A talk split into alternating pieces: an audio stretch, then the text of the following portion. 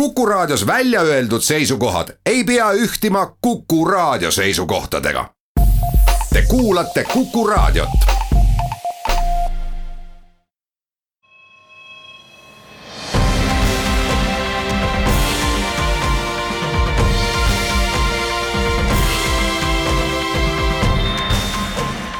Buum.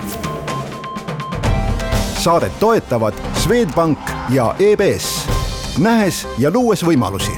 tere päevast, on viieteistkümnes august, kell on saanud loetud minutid üksteist läbi, oleme taas eetris Buumi saatega, saatejuhid nagu ikka Anto Liivet ja Ott Pärna. tänase uudisteploki avame aruteluga selle üle, kuidas ikkagi plaanib Elon Musk Tesla börsilt ära viia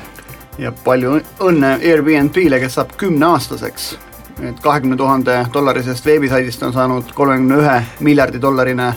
hotelliäri, omamata ühtegi hotelli. räägime ka sellest, miks seni peamiselt tehnoloogiaärisse investeerinud suured fondid panustavad üha enam kinnisvarale ja kinnisvaraga seotud iduettevõtetele. uudisteploki lõpetuseks räägime ühest Taiwan'i startup'ist nimega FunNow ja tegemist on siis ühes sellises uuemas ärivaldkonnas toimetava ettevõtmisega, mille läbi on võimalik teha siis viimase hetke ostuotsuseid kõikvõimalike füüsiliste teenuste osas. Ja seda ostu on finantseerinud osalt ka see Airbnb, mitte Airbnb, vaid Alibaba fond. Meie tänane saatekülaline on Kinnisvara kakskümmend neli tegevjuht Paavo Heil, kellega räägime kinnisvara ostmisest, müümisest, vahetamisest ja kõikvõimalikest tehnoloogiatrendidest, mis selle valdkonnaga seonduvad. Aga nii nagu lubatud sai, siis kõigepealt äh, uudised ja Elon Musk on andnud teada, et äh, plaanib Tesla börsilt äh, ära viia. palju küsimusi tekitas tema Twitteri väljaütlemine, et diil on põhimõtteliselt lukus seda küsimust arutavad täna nii Tesla aktsionärid kui ka kõikvõimalikud institutsioonid, kes siis börsiettevõtetega eh, tegelevad ja ähvardatakse ka erinevate kohtu case idega sest kuidas ikkagi niimoodi Twitteri kaudu antakse teada, et nüüd on selline plaan. kui esialgu keegi tõtt-öelda ei uskunud, et Elon Musk võiks oma väljaütlemistes olla lõpuni tõsine ja arvati siin, et Tesla eh, väljaostmine võiks maksta suurusjärgus seitsekümmend miljardit eh, dollarit, siis täna on Musk teada andnud, et Saudi investeerimisfond on lubanud selle raha ka välja käia ja selle konkreetse fondi maht on muidugi kaks triljonit niimoodi, et rahapuudust ei tohiks olla. aga selles mõttes on huvitav, kuidas Elon Musk juhib oma Teslat samamoodi nagu Donald Trump Ameerika Ühendriikide või maailma, ehk siis Twitteri vahendusel. ja kuidas siis tegelikult nii-öelda kirjutatud reegleid noh, paljuski eiratakse või börsireegleid antud juhul, eks aga ta ütles ka otse välja tegelikult, mida ta siis lubab, et tollel hetkel oli siis aktsiaväärtus kolmsada viiskümmend dollarit, ta lubas nelisada kakskümmend dollarit aktsia kohta, ehk siis kakskümmend dollarit preemiumit. ta ütles, et kõik, kes ei taha müüa, erinevalt näiteks Olümpiku case'ist Eestis, kus kõigilt taheti ära osta, et võivad jääda siis äh, privaatseteks omanikeks, küll nemad seda preemiumit, seda kahtekümmet protsenti siis noh, seda hinnavahet nagu kätte ei saa ja selles mõttes au, aus ütlus iseenesest on ju ja ta tegelikult seda läbirääkimisi on ju pidanud mitmel korral. ja täna tegelikult on lubatud ju suuresti Musk'i suu läbi, et arvatavasti üks kaks kolmandikku tänastest aktsionäridest jäävad ka edaspidi äh, paati. ehk siis see nii-öelda raha, mis äh, saudidel välja tuleb käia, ei ole tõenäoliselt seitsekümmend miljardit, vaid pigem on seal võib-olla selline kakskümmend viis äh, miljardit suurusjärgus. muidugi oleme ausad, ega suur, äh, suur rahasumma seegi ja, ja, ja üsna, üsna tõesti tõsiseid asju kommunikeeritakse lihtsalt Twitteri kaudu huvitav muidugi see või argument on ilmselt see seal taga, et Elon Musk tahab saada rahulikumat raha oma ettevõttesse. ehk siis, et, et ütleme, see esimese haibi pealt on see aktsiahind üles läinud, on, on varased investorid nagu rikkaks saanud, eks, aga nüüd on tegelikult see kvartalikapitalism küllalt tülikas sellele ettevõtjale, kus oli iga jumala hilinemist Tesla Model kolm, Model kolmega näiteks siis nii-öelda börsihind kõigub, kõik kommentaatorid kotivad sind, on ju aga noh, ta ise saab aru, et ta on pikemas äris ja tahaks nagu rahulikuma rahaga toimetada ja araablased talle tundub seda pakuvat. See oli ka peamine küsimus, mis minul seda uudist lugedes tekkis, et äh, mis siis on äh, nii-öelda private equity ja, ja, ja avaliku, äh, avaliku ettevõtte noh, eelised või, või kasud teineteise ees, et ilmselt seesama, sama põhjus võib olla ka see, et just pikemaajalist nii-öelda pikemaajaliselt oma äri planeerida ja teostada, et see nii-öelda avaliku raha kaasamine või nii, nagu ta praegu on, siis börsiettevõttena tegelikult alati ei võimalda, sest see surve turgude poolt on lihtsalt niivõrd, niivõrd suur juhtidele. no turud tahavad kas aktsiahinna kasvu näha või dividendi saada ja kui, kui sul parasjagu kumbagi pole anda, on ju, või usutavasti, et siis siis turg läheb närviliseks ja siis on lihtsam see tõesti mm. turult ära viia ja kui sul on maailmas nagu väga suuri fonde, kes on raha täis täna, otsivad tegelikult, kuhu panna, siis need omakorda mm. vajavad suuri ettevõtteid, kuhu raha paigutada. et siis on nagu noh, ütleme, pott on endale kaane mm. leidnud. no rääkides muidugi suurest või suurtest ettevõtetest, siis äh, oleneb, kust vaadata. ettevõtte väärtuse numbri koha pealt Tesla on suur, aga tegelikult autotööstuse tootmismahtude koha pealt on äh, Tesla väike, noh see, kui kahe tuhande kuueteistkümnenda, seitsmeteistkümnenda majandusaasta tulemusena jõudis Tesla General Motorsiga ühe pulga peale. Ettevõtte väärtuseks hinnati siis pisut üle viiekümne miljardi dollari, siis tuletame meelde, et Tesla väärtus oli viiskümmend miljardit dollarit seitsme miljardilise aastakäibe juures. General Motorsi väärtus oli samasugune saja kuuekümne kuue miljardi USA dollari juures, üks müüs seitsekümmend kuus tuhat autot, teine müüs kümme miljonit autot, nii et noh, seal ostetakse väga selgelt ikkagi sellist noh, Tesla brändi ja muidugi seda turupotentsiaali, mis äh, elektriautodes võiks äh, peituda. ostetakse paljuski seda haipi ja see on ka põhjus, miks seda payout'i ei saa nagu laenuga teha, et, et ütleme noh objektiivne pank ei anna sulle mm. Nagu noh, seal ei ole nii palju vara, mille taustal mingit laenu anda, et seal saaks nagu sellist väljaostu nagu laenude abil teha, seetõttu sul on vaja omakapitali sisse tuua, sul on vaja ütleme, kuidas ma ütlen, piisavalt rumal ja piisavalt suur omakapital sisse tuua selleks, et sellega hakkama saada. ehk siis väiksemad fondid tõenäoliselt võib-olla poleks sellist asja teinud. seal võib-olla on see küsimus ongi selles, et, et millised mõõdikud sa paned noh, näiteks piltlikult öeldes akutehnoloogia arendamisele, kuhu see raha tõenäoliselt läheb, eks ju. milleks neil raha on vaja, et kuidas sa seda iga kvartal mõõdad, et autode arv, mis välja tehas tuleb, on konkreetne mõõdik, aga, aga nemad tahavad pikaajalist tehnoloogiat arendada Saudidel on äh, vaja mitmekesistada oma investeerimisportfelli ja väidetavasti sellepärast ollakse see raha siis ennekõike ka valmis äh, äh, välja käima, aga, aga noh, küllap ikka see usk Elon Musk'i persooni peab olema ka midagi üsna, üsna suurt. Elon Musk muidugi ise läheb ka selle vihma käest nagu räästa alla, et, et praegult on tal seal N-arv on ju selliseid turuosalisi aktsionärid on ju, ütleme selliseid lühiajalise vaatega selliseid võib-olla koduperemehi või perenaisi, eks. nüüd nendest ta jääb nagu ilma või saab lahti, aga teiselt poolt ta saab siis ühe kuninga endale sinna etteotsa või šeigi, eks, et. et, et noh, mõlemal juhul sa, sa oled ikka kellegi ori, on ju nojah, kas olla nüüd äh, nii-öelda paljude lollide ori või igaühe ori natukene või olla siis ühe valgustatud monarhi ori? no me ei tea, kui valgustatud on ja kui kauaks, eks hüva, aga kuulame vahepeal ära kaubanduslikud teadaanded ning vestleme seejärel edasi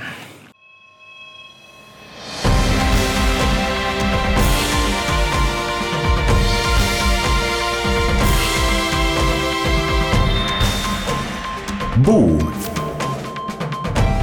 Saadet toetavad Swedbank ja EBS, nähes ja luues võimalusi oleme tagasi Buumi eetris, saatejuhid Anto Liivet ja Ott Pärna. meie tänane saatekülaline on Kinnisvara kakskümmend neli tegevjuht äh, Paavo Heil, kes aitab meil ka uudiseid äh, kommenteerida. kui me esimeses plokis rääkisime sellest, et Tesla plaanib äh, börsilt ära liikuda Elon Musk'i eestvedamisel, siis tegelikult väga suured eh, maailma ettevõtted eh, mitmed neist ju tegelikult börsil ei ole. noh, konsultatsiooniettevõtted siin Deloitte, Price, Ernst and Young ei ole Ühendriikides suurtest veel, Koch Industries, ka Kraft Group, Dell oli pikalt börsilt ära. ja tegelikult ka Airbnb on üks selline ettevõte, mis nüüd oma kümnendat sünnipäeva tähistab ja plaanib siis järgmisel aastal börsile minna on täna siis samuti investorite käes. Airbnb edulugu on ähm, mõistagi muljetavaldav ja kümnenda juubeli puhul võiks temast mõne sõna siis ka pikemalt äh, rääkida. minule on tihtipeale silma hakanud äh, paljude maailma väljapaistvate tuntud linnade võitlus Airbnb vastu. Barcelona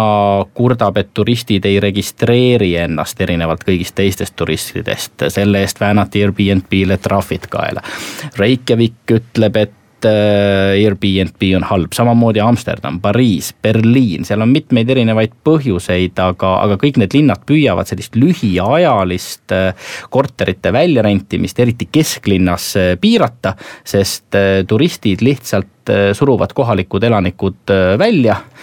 inimesed pigem kolivad äärelinnadesse ära, rendivad Airbnb kaudu oma kesklinna korterid välja ja teenivad sellega täitsa korralikku raha. Jah, see, see tekitab sellised getod kesklinna, mis on suhteliselt tühjad. Ja teistpidi soodustab sellist investeerimist, korterite soetamist ja noh, ega see Tallinnas ka tegelikult on ju noh, kesklinna maju küll, mis on selle, seda tüüpi korterid täis, on ju noh, ütleme teine pool on seesama Maksuameti teema, et, et kas ja kuidas ikkagi nende asjade pealt nagu maksu makstakse, mis seal nagu toimub et, et eks seal on neid agasid palju, aga samas ütleme, turu vastu ei saa võidelda, et kui sul turul on selgelt nõudlus, varasemalt oli hotelliäri hästi monopoolne äri, et sul oli nagu mingisugune kümmekond hotellibrändi maailmas suuremat on ju, siis pluss kohalikud, kes siis nagu noh, ka hästi kallilt tegelikult rentisid siis oma neid äh, hotellitubasid, et nüüd me teame, et Airbnb turuväärtus on circa kolmandiku võrra suurem kui maailma kõige suuremal hotelliketil. Jah, ja tege-, tegelikult ega mis Airbnb endaga kaasa on äh, globaalses mõttes tulnud, toonud, on see, et ta on äh, muutnud äh, kättesaadavaks paljud linnad paljudele inimestele, kes varem ei oleks sinna reisinud. just nii kardinaalselt on ta tegelikult äh, reisihinda muutnud ju. jah, ja teine asi noh, kui me ütleme lokaalses mõttes ka, et ütleme, see turist poleks never jõudnud Põlvasse või kuhugile sellisesse kohta, täna tal on võimalik Põlvas või linnas Tallinnas või Eesti linnas X tegelikult rentida endale maja, korter, tuba et ta on teinud seda turgu ka selles mõttes ausamaks, et võib-olla lisaks linnadele turist jõuab ka kaugemale Paavo, kuidas Airbnb veel niimoodi maailma majutusäri, aga, aga miks mitte ka tegelikult kinnisvaraäri äh, mõjutanud on? no üks äh, selge mõju, mis äh, noh, ma ei tea, kuivõrd Eestis, aga, aga maailmas Airbnb-l on, on see, et väga paljud perekonnad tegelikult on, perekondadele tegelikult see on võimaldanud sellise lisasissetulekut, mis võimaldab normaalselt ära elada, eks ju, et sa saad, saad oma, oma korterist lihtsalt raha, eks ju. no vanamemm saab toa välja rentida, kui tal vanahärra on ära surnud kolmetoalises korteris, eks. teine, üks, mis ta on tegelikult juurde teinud, ta on kliente juurde tootnud, sest ma olen ise paar korda olen näiteks Nürnbergis olnud, Saksamaal käies ise Adidase noh ettevõttes, ma olen Nürnbergis elanud ja mõlemad korrad Airbnb-st rentinud. ja ühel korral oli niimoodi, et siis pererahvas, poiss ja tüdruk, rentides mulle siis selle toa välja, seal oli veel mingi elanik seal korteris. Läksid ise, ma ei mäleta, kuhu nad sõitsid, aga äkki mingile Vahemere saarele või?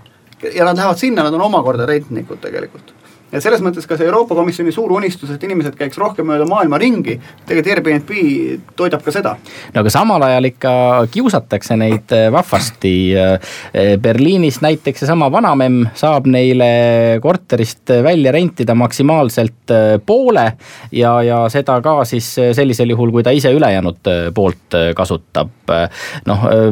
Pariisis on lihtsalt keelatud enam kui saja kahekümneks või vähemaks kui saja kahekümneks päevaks äh, äh, välja rentimine. nii et noh, püütakse igatpidi nagu pigistada, öeldes, et äh, eluase on ikka eluase, mitte hotell, siin mõned linnad nõuavad ju ka üle näiteks üheksakümne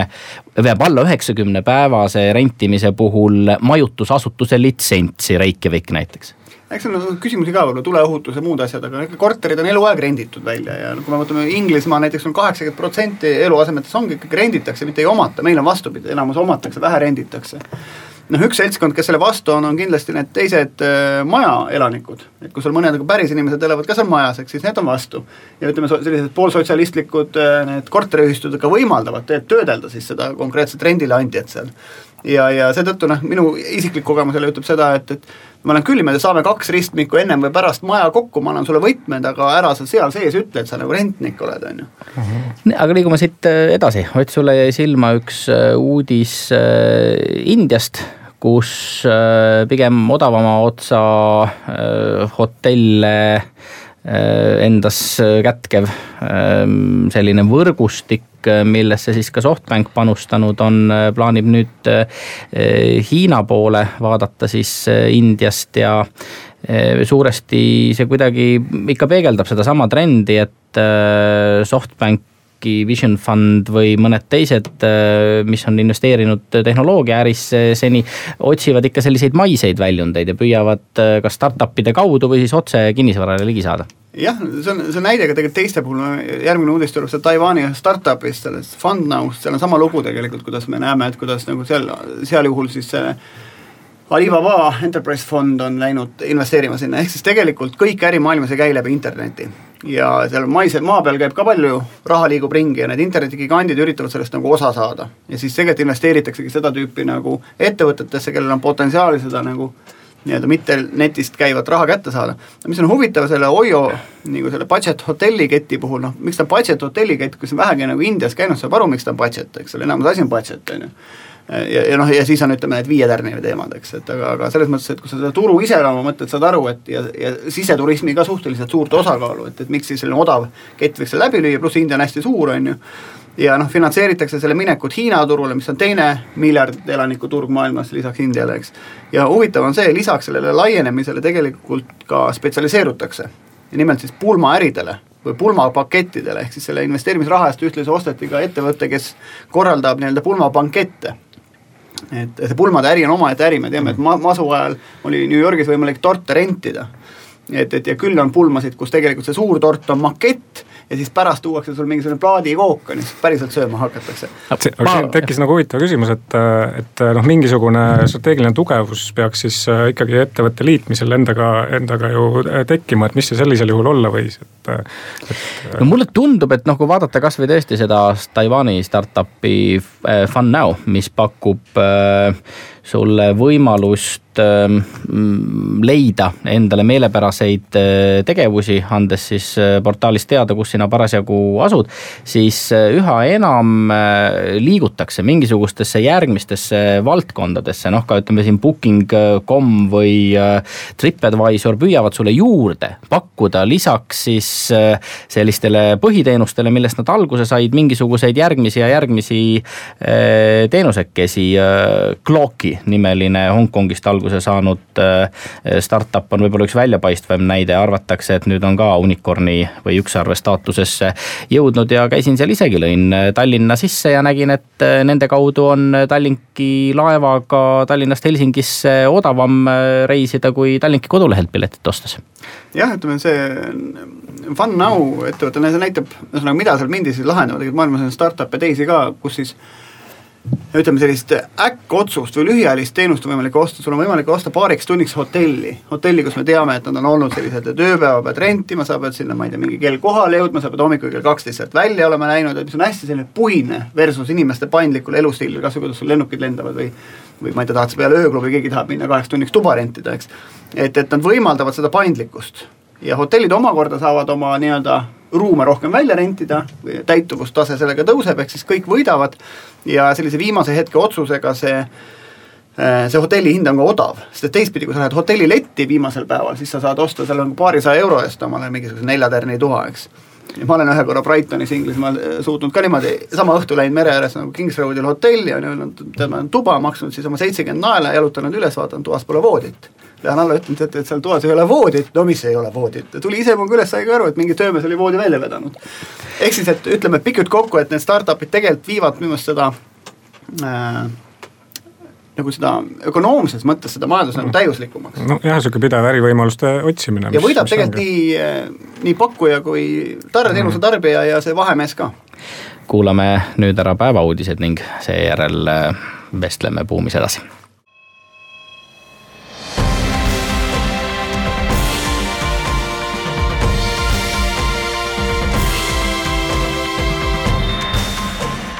Buum. saadet toetavad Swedbank ja EBS, nähes ja luues võimalusi. jätkame Buumi saatega, mina olen saatejuht Anto Liivat koos minuga Ott Pärna ja meie tänane saatekülaline on Kinnisvara kakskümmend neli tegevjuht Paavo Heil, kellega räägime nüüd kinnisvara ostmisest, müümisest, vahetamisest Äh, ja kõigest selle äriga seonduvast. Äh, Paavo, sul on äh, üsna mitmekesine juhtimiskogemus, sa oled teinud oma tööandja turunduse agentuuri, oled juhtinud töövahendusportaali ja nüüd siis jõudnud kinnisvara juurde. Eestis on võrdlemisi vähe kinnisvaraportaale. miks peaks olema ühte veel vaja? Jah, see esimene küsimus on ju selles, et, et kas ma olen jõudnud kinnisvaraärisse või ma olen endiselt kuulutuste äris, eks ju. et, et mis milles see meie äri tegelikult seisneb ja, ja ma arvan, et tegelikult me oleme nii-öelda turuplats, eks ju. et küll kinnisvara valdkonna spetsi-, spetsiifiline täna aga ei ole välistatud äh, ka meie puhul tulevikus erinevate äh, võimalike sihukese täiendavate turgude leidmine. millegipärast on täna tegelikult äh, nii-öelda kuulutuste portaalinduses ikkagi autod, kinnisvara ja tööpakkumised eraldi veebilehtedel olnud no aga lähmegi kohe siis selliste kurjemate küsimuste juurde ka, kui Facebook siin tegi hiljaaegu diili Ühendriikide kõige suurema sellise kinnisvarakuulutuste eh, portaaliga, siis eh, milleks selliseid kinnisvarakuulutuste portaale üldse vaja on ja, ja miks inimesed seal käivad, võib-olla varsti on mõistlikum eh, tõesti Facebooki kaudu oma kinnisvara müüa, sest Facebook teab, kus asuvad need inimesed, kes on valmis minu korterit äh, rentima või, või, või ära ostma, teab nende eelistusi, harjumusi ja, ja võib-olla suudab ühel päeval kokku panna ka kõige atraktiivsema võimaliku müügikuulutuse. no miks kinnisvaraportaale üldse vaja on ja miks, miks nad Eestis täna äh, noh, mitte ainult ellu on jäänud, vaid ka väga hea äri on Äh, on, äh, põhjus on selles, et kinnisvara valdkond on äh, nii spetsiifiline, kuna see toode, mida müüakse või üürile pakutakse, on, on väga spetsiifiline. ühest küljest küll sihuke emotsionaalne ost, et pane pildid üles ja, ja küll ma selle huvi tekitan ja, ja kontakti saan. aga teisest küljest kinnisvara iseloomustab, noh, me võime ehitusregistrist vaadata kusagil viissada erinevat näitajat mis kõik on seotud mingisuguse kinnisvaraobjektiga ja selle info äh, süstematiseerimine nüüd ühe kinnisvaraobjekti tasandil on üks põhjus, äh, noh, mida ei suuda täna teha Facebook näiteks, eks ju. teine on äh, loomulik see, et inimesed tahavad saada infot ühest-kahest allikast, et nad ei noh, kas me võtame kinnisvarabürood, kelledel on ka väga, väga palju suurematel kuulutusi, siis selleks, et turust ülevaadet saada, pead sa ikka tulema kinnisvara kahekümne nelja, et näha kõiki kuulutusi, eks. sa ütlesid, et te olete kuulutuste äris noh, see kuulutusäri on ju suhteliselt äh, lihtne äri, et, et mis siis ikkagi äh, veel võiks äh, olla ühe sellise kinnisvaraportaali või, või, või, või pigem laiemalt kuulutusportaali küljes või juures või, või mis selle äri perspektiivid olla võiks? no meie täna juba, juba täna ei ole enam ainult kuulutuste äris, et lisaks sellele, et saab kinnisvara kahekümne neljas kuulutust avaldada ja kuulutusi sirvida ja, ja võrrelda omavahel Äh, on tegelikult täna meil võimalik äh, leida endale maaklerit, kinnisvara hindajat, noh perspektiivis äh, kõikvõimalikud kinnisvaraga seonduvad teenused on, on need, mis meie portaali tegelikult koonduvad ja inimesi huvitab see ärimudeli osas olete ikka sellise vanamoodne, et, et see, kes paneb oma kuulutuse üles, maksab selle eest raha või, või tahab selle reklaami osta, ostab reklaami, et. et tehinguid teie läbi näiteks ei käi ja. Äh, tehinguid jah, et kinnisvaratehingute puhul on neid tegevusi, mida nii-öelda inimesed peavad tegema ja kaasnevat dokumentatsiooni üsna palju, et, et see ei ole täna meie. aga rendi, rendi osas näiteks, lühiajaline rent Äh, lühiajalise rendikuulutusi meil hetkel veel isegi ei ole ka, et, et meil on äh, pika noh, üürikuulutused. no me just rääkisime Airbnb-st ennem, et. Aga, aga noh, seal on jälle, et kus see piir läheb, et kas Airbnb on majutusäri või, või siis kinnisvara rendi ettevõte, et, et kus, kus see piir läheb, et seda on raske tõmmata ja eks neid ärimudeleid, noh neid võibki olla, noh võtame Facebook, Airbnb, Kinnisvara kakskümmend neli. Neid on noh erinevaid, eks ju, et mis koha pealt siis keegi. mis on see teie konkurentsieelis, ütleme, ma ei tea, City kahekümne neljaga, KVE-ga? Aga jah, et miks kinnisvara kakskümmend neli üldse äh, turule tuli ja, ja miks me tänaseks juba oleme tegelikult või meie kasutajad on tegelikult ära tõestanud, et seda oli vaja. on see, et äh, Eestis ju äh, üsna pikka aega tegelikult kinnisvaraportaalide turul puudus konkurents ja, ja selle tõttu noh, teatud tingimused teatud klientide jaoks hakkasid minema nii ütleme siis ebasoodsaks, et, et see sai, sellest sai ajendi siis see, et on, on vaja konkurentsi tekitada, et ja, ja aga noh, selle, see on muidugi ajend, aga põhjus, miks või mis meie tugevused on, nagu sa küsid, et äh, siis loomulikult on see, et meil on äh, nii-öelda hiljem tulija tugevus, mis on alati tehnoloogia valdkonnas, on see, et meil on tehnoloogiline eelis me suudame tegelikult täna kiiremini arendada, paremaid arendustööriistu kasutada, kogu meie info süstematiseerimine, statistika funktsionaalsus ja kõik algoritmid. mille põhjal me saame kasutajale paremat kogemust anda, et seal on meil selge eelis ja, ja me juba tegelikult ka ka lõikame sellest kasu. no aga räägimegi natuke siis sellest tehnoloogia poolest ähm, ka, võib-olla õige varsti on äh, inimesed õppinud äh, soetama kinnisvara kodult äh, tooli pealt üles tõst-, tõusmata, paned endale mingisugused äh, virtuaalreaalsuse prillid ette ette, vaatad üle ühe või teise objekti ja sealsamas äh, korraldatakse sinu jaoks kõik äh, tehingud äh, ka ära, noh näiteks võiks see olla ju investoritele kuidagi huvitav perspektiiv. Jah, et investorite puhul teinekord piisab isegi sellest, et ei pea kohale tulema, et kui, kui on tegemist näiteks tootmismaaga, eks ju, et mida sa seal ikka vaatad, et aga, aga nüüd elukondliku kinnisvara puhul äh, millegipärast on ikkagi niimoodi, et inimene tahab seda keskkonda tunnetada, et kõik meeled läbi arvutiekraani, noh, me ei suuda neile piisavalt nagu seda vajalikku infot anda isegi äh, video või, või selle kolmsada kuuskümmend äh, tuuride abil kuigi ka need võimalused on kõik olemas, eks ju. aga mida maailmas veel põnevat selliste tehnoloogiliste lahenduste mõttes aga, äh, kuulutuste äris tehtud on? aga jah, mida võib öelda, et äh, mille poolest äh, kinnisvaraportaalid maailmas on ja noh, milliseid põhimõtteid me tegelikult ka ise rakendame, on täna targemad kui, kui kinnisvaraotsijad näiteks, on see, et kasutus, kasutaja kasutusstatistika või kasutus case'ide põhjal on võimalik luua algoritme, mis annavad kasutajale asjakohasemat sisu. kas sa saad, kas see tehisintellekt võiks ka näiteks, ma ei tea, mingit hindajat asendada? Sest et sul on tegelikult tehinguinfo olemas, eks ole, mm. on ju, kui sul on objekt ära kirjeldatud, ma ei tea, paaris maja meriväljal on ju, nii palju sada viiskümmend ruutu, eks noh, see on nagu ilmselt tüüpobjekt, seal on võimalik üsna kiiresti saada tehingute hind kätte. ja, ja, ja ongi võimalik teatud tasemeni muidugi, et äh, kindlasti kinnisvara hindaja puhul, äh, mida, mida tema veel juurde vaatab, äh, süstematiseerituna infot, noh, mida näiteks hindajad meie portaalist ka vaatavad vanemate kuulutuste osas. kui nad teevad kinnisvara hindamisakte, siis seda infot, mis on kuulutuses just nimelt kirjas ja mida kuskil ehitisregistris ei ole, ehk milline on näiteks hoone seisukord, mis seal kamina kõrval on, ühesõnaga kasvõi pildid, eks ju. ei no aga kui, kui sul on eriti uuemate objektide puhul, see mõjutab võib-olla seal, ma ei tea, viis protsenti kogu hinnast, eks, aga sellise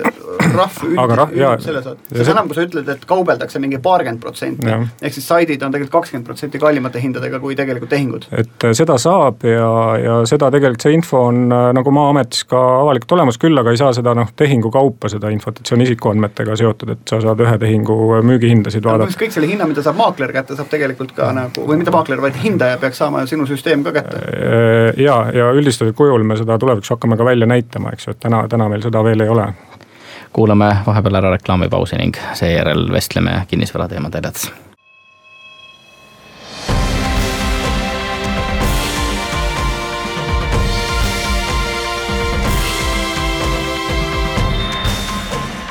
Buum.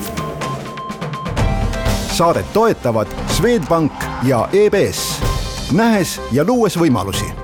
oleme tagasi Buumi eetris, saatejuhid Anto Liivet ja Ott Pärna. meie tänane saatekülaline on Kinnisvara kakskümmend neli tegevjuht Paavo Heil. räägimegi kinnisvara turundamise, ostmise, müümise teemadel küsin su käest selle ploki sissejuhatuseks äh, ja eelmise ploki jätkuks, kus me rääkisime tehisintellekti rollist äh, kuulutuste äris. milleks üldse kinnisvaramaklerid siin viie ja kümne aasta perspektiivis, kui tegelikult suudavad algoritmid äh, järjest paremini kokku viia ostja ja müüja ja ka nende eelistusi mõista mm? -hmm kinnisvaramaaklerid on kindlasti täna väga oluline lüli kinnisvaratehingute juures, me teame, et mingi osa kinnisvaratehinguid tehakse ilma maaklerite abita, aga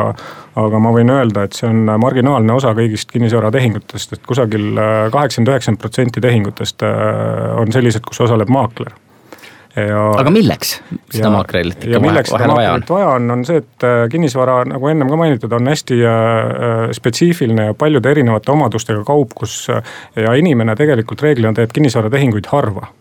enamik inimesi võib-olla üks, kaks, kolm, neli tehingut elu jooksul, eks ju. ja mille kõigega sa pead kursis olema selleks, et noh, kasvõi kinnisvaratehingut tehes mitte petta saada, eks ju. lugesin ühte McKenzie uuringutes hiljuti tehisintellekti teemal ja seal öeldi niimoodi, et, et esimene, millise töö tehisintellekt ära võtab, on, on mingite andmete kogumine. teiseks ta võtab ära nende andmete süstematiseerimise, töötlemise töö ja kolmandaks, mis ta võtab ära, ta võtab hästi standardselt või hästi lihtsasti defineeritava füüsilise töö. Mm -hmm. ja aga samas, kus töökohad tekivad või jäävad järgi, on näiteks ka samad arstid, et isegi kui diagnoosi suudab ära panna arvuti tohutute arvu diagnooside pealt, on ju, siis see suhtlemine patsiendiga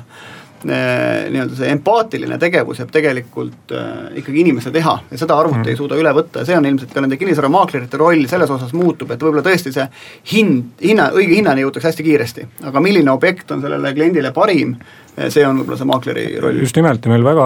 Kinnisvara kahekümne neljas väga suur osa inimesi teeb äh, lihtsalt meil veebilehel, äh, esitab päringu, et äh, mul on vaja sellist tüüpi kinnisvara, et ta ei hakka isegi otsima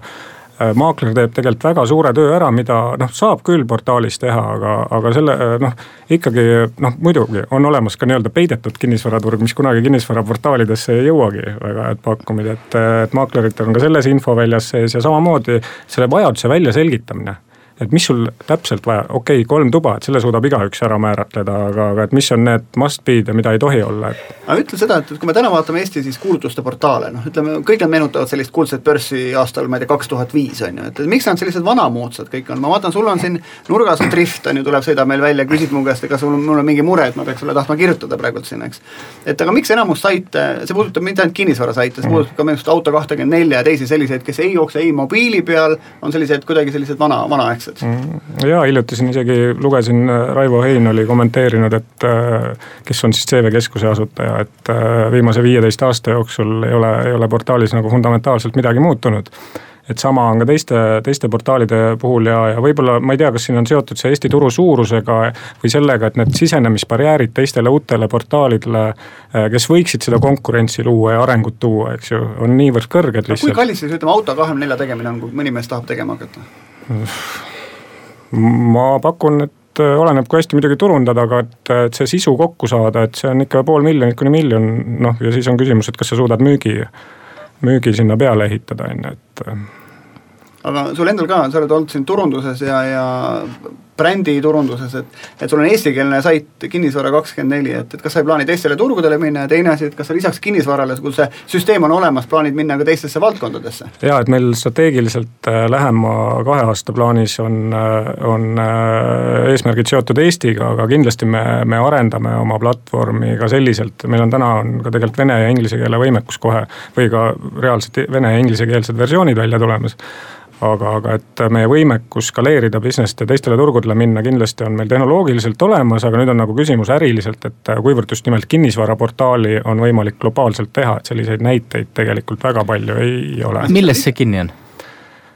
Seal on erinevaid äh, tegureid, mis on kinni, üks on info kättesaadavus, eks ju, teine on kogu, kogu seadusandlik regulatsioon, eks ju, et äh, noh, info kättesaadavus, ma pean silmas näiteks, et äh, kui sa kinnisvara kahekümne neljas tahad kuulutust sisestada, et sa saad ühe nupuvajutusega tõmmata enda kinnisvara objekti kohta ehitisregistrist kõik vajalikud tehnilised andmed, mida ükski inimene peast ei tea, et. et noh, me tõime selle esimesena Eestis turule, et see on, kasutatakse ülimugav, aga kõikidel turgudel sul ei ole sellist tehnoloogilist võimekust, eks ju, noh näiteks. või on mingid seadusandlikud seadusandlikud äh, regulatsioonid, mis, mis. aga lähed sa siis ise pigem nagu selliseks meediaagentuuriks, kes omabki kõikvõimalikke erinevaid portaale, mis võivad joosta samal nagu tehnoloogilisel platvormil, aga tegelikult on ükskõik, kas seal peal müüakse no, ja selles, selles mõttes jah, et see andmeformaat lihtsalt on auto ja kinnisvara puhul erinev, eks ju, et mis iseloomustab kinnisvara ja, ja mis iseloomustab autot, aga üleüldine struktuur on ikka, et pilt, kirjeldus äh,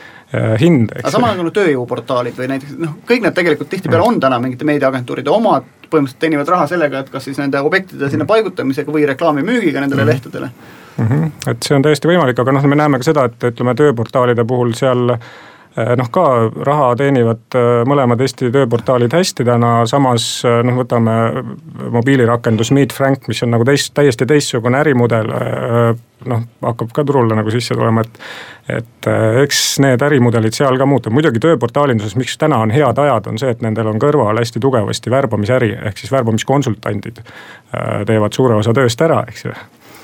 et äh, et noh, seal ei ole ka nii mustvalge, et kui võtta ainult nagu internetiäri, siis ma arvan, et äh, tööportaalidel nii hästi täna vist ilmselt ei lähe. Aga ütle siia saate lõpetuseks veel, mida siis inimesed ikkagi äh, kinnisvarakuulutuste portaalidelt ootavad või, või täna sealt ka ennekõike otsivad, ehk miks sinna tullakse? Ja võib-olla tead sa ka seda, et, et kui palju tehakse täna Eestis tehinguid väljapool portaale. ja kinnisvara kahekümne nelja statistika on selline, et kusagil kaheksakümmend protsenti külastajatest on, või ütleme, seitsekümmend, kaheksakümmend protsenti külastajatest on sellised, kes tegelikult lihtsalt koguvad inspiratsiooni, ideid. kuskil kolmkümmend protsenti on neid, kes reaalselt tahavad täna tehingut teha. Nende hulgas on siis ka need, kes umbes viis protsenti neid, kes otsivad kinnisvara investeerimiseks ja, ja kõigist kasutajatest meil umbes neliteist protsenti on, viisteist protsenti on kinnisvara kuulutajad siis, eks ju ehk tegelikult selleks, et inimene saada äh, kinnisvarakuulutuste lehele, tuleks talle pakkuda mingisugust näiteks inspiratsiooni kodu sisustamiseks. no eks see ärimudel enamasti niimoodi käib, et, et kuna kinnisvaratehinguid tehakse harva iga inimese puhul, siis äh, selleks, et äh, oma portaaliga inimest ära siduda, sa pakud talle pikemas perspektiivis muud väärtust, mida tal on ka siis vaja, kui ta täna oma korterit ei vaheta, eks ju meil on noori tudengeid ka hästi palju seda saadet kuulamas, et soovita neile, et kui nad tahaksid kuulutuste ärisse minna, et mis valdkonnas võiks ruumi olla või, või kus on lahendused liiga vanamoodsad, et võiks minna konkureerima vot äh, siis peab see ärimudel peab olema selline, millega oleks nagu mõtet minna, et, et kui mõelda, et me teeme lihtsalt veel ühe kinnisvaraportaali, ega meil samamoodi ju äh, selleks, et me saime üldse äh, nii kiiresti alustada, nelja kuuga me oleme sisuliselt jõudnud samale tasemele teiste kinnisvaraportaalidega. esimene eeldus on see, et kuidas sa saad selle sisu kokku. Just nimelt noh, meie kontekstis siis kuulutused, eks. Ju, täna meil on umbes kakskümmend tuhat kuulutust, mis on enam-vähem sama, mis kogu turumaht et esimene asi on äh, sisu, teine on siis äh, külastajad, et, et miks nad peaksid veel ühte kinnisvaraportaali tulema, et aga no, mõni teine valdkond äkki poistele, tüdrukutele? aga, aga ei noh, ma ei oskagi öelda, auto, autonduse puhul võiks teha ühe lihtsa mobiilis kasutatava autoportaali, et seda täna Eestis ei ole. et täitsa null, tühi koht, et palun tehke ära aitäh, Paavo, meile Buumi külaliseks tulemast. tõmbame tänaseks otsad kokku, oleme Buumiga eetris juba täpselt nädala pärast. siis räägime töötajate koolitamise ja arendamise vajadustest olukorras, kus äh, tööpuuduse näitajad on Eestis ühed kõigi aegade madalamad. seniks aga kuulmiseni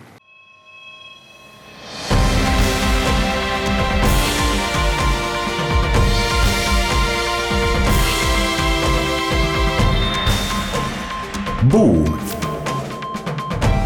saadet toetavad Swedbank ja EBS, nähes ja luues võimalusi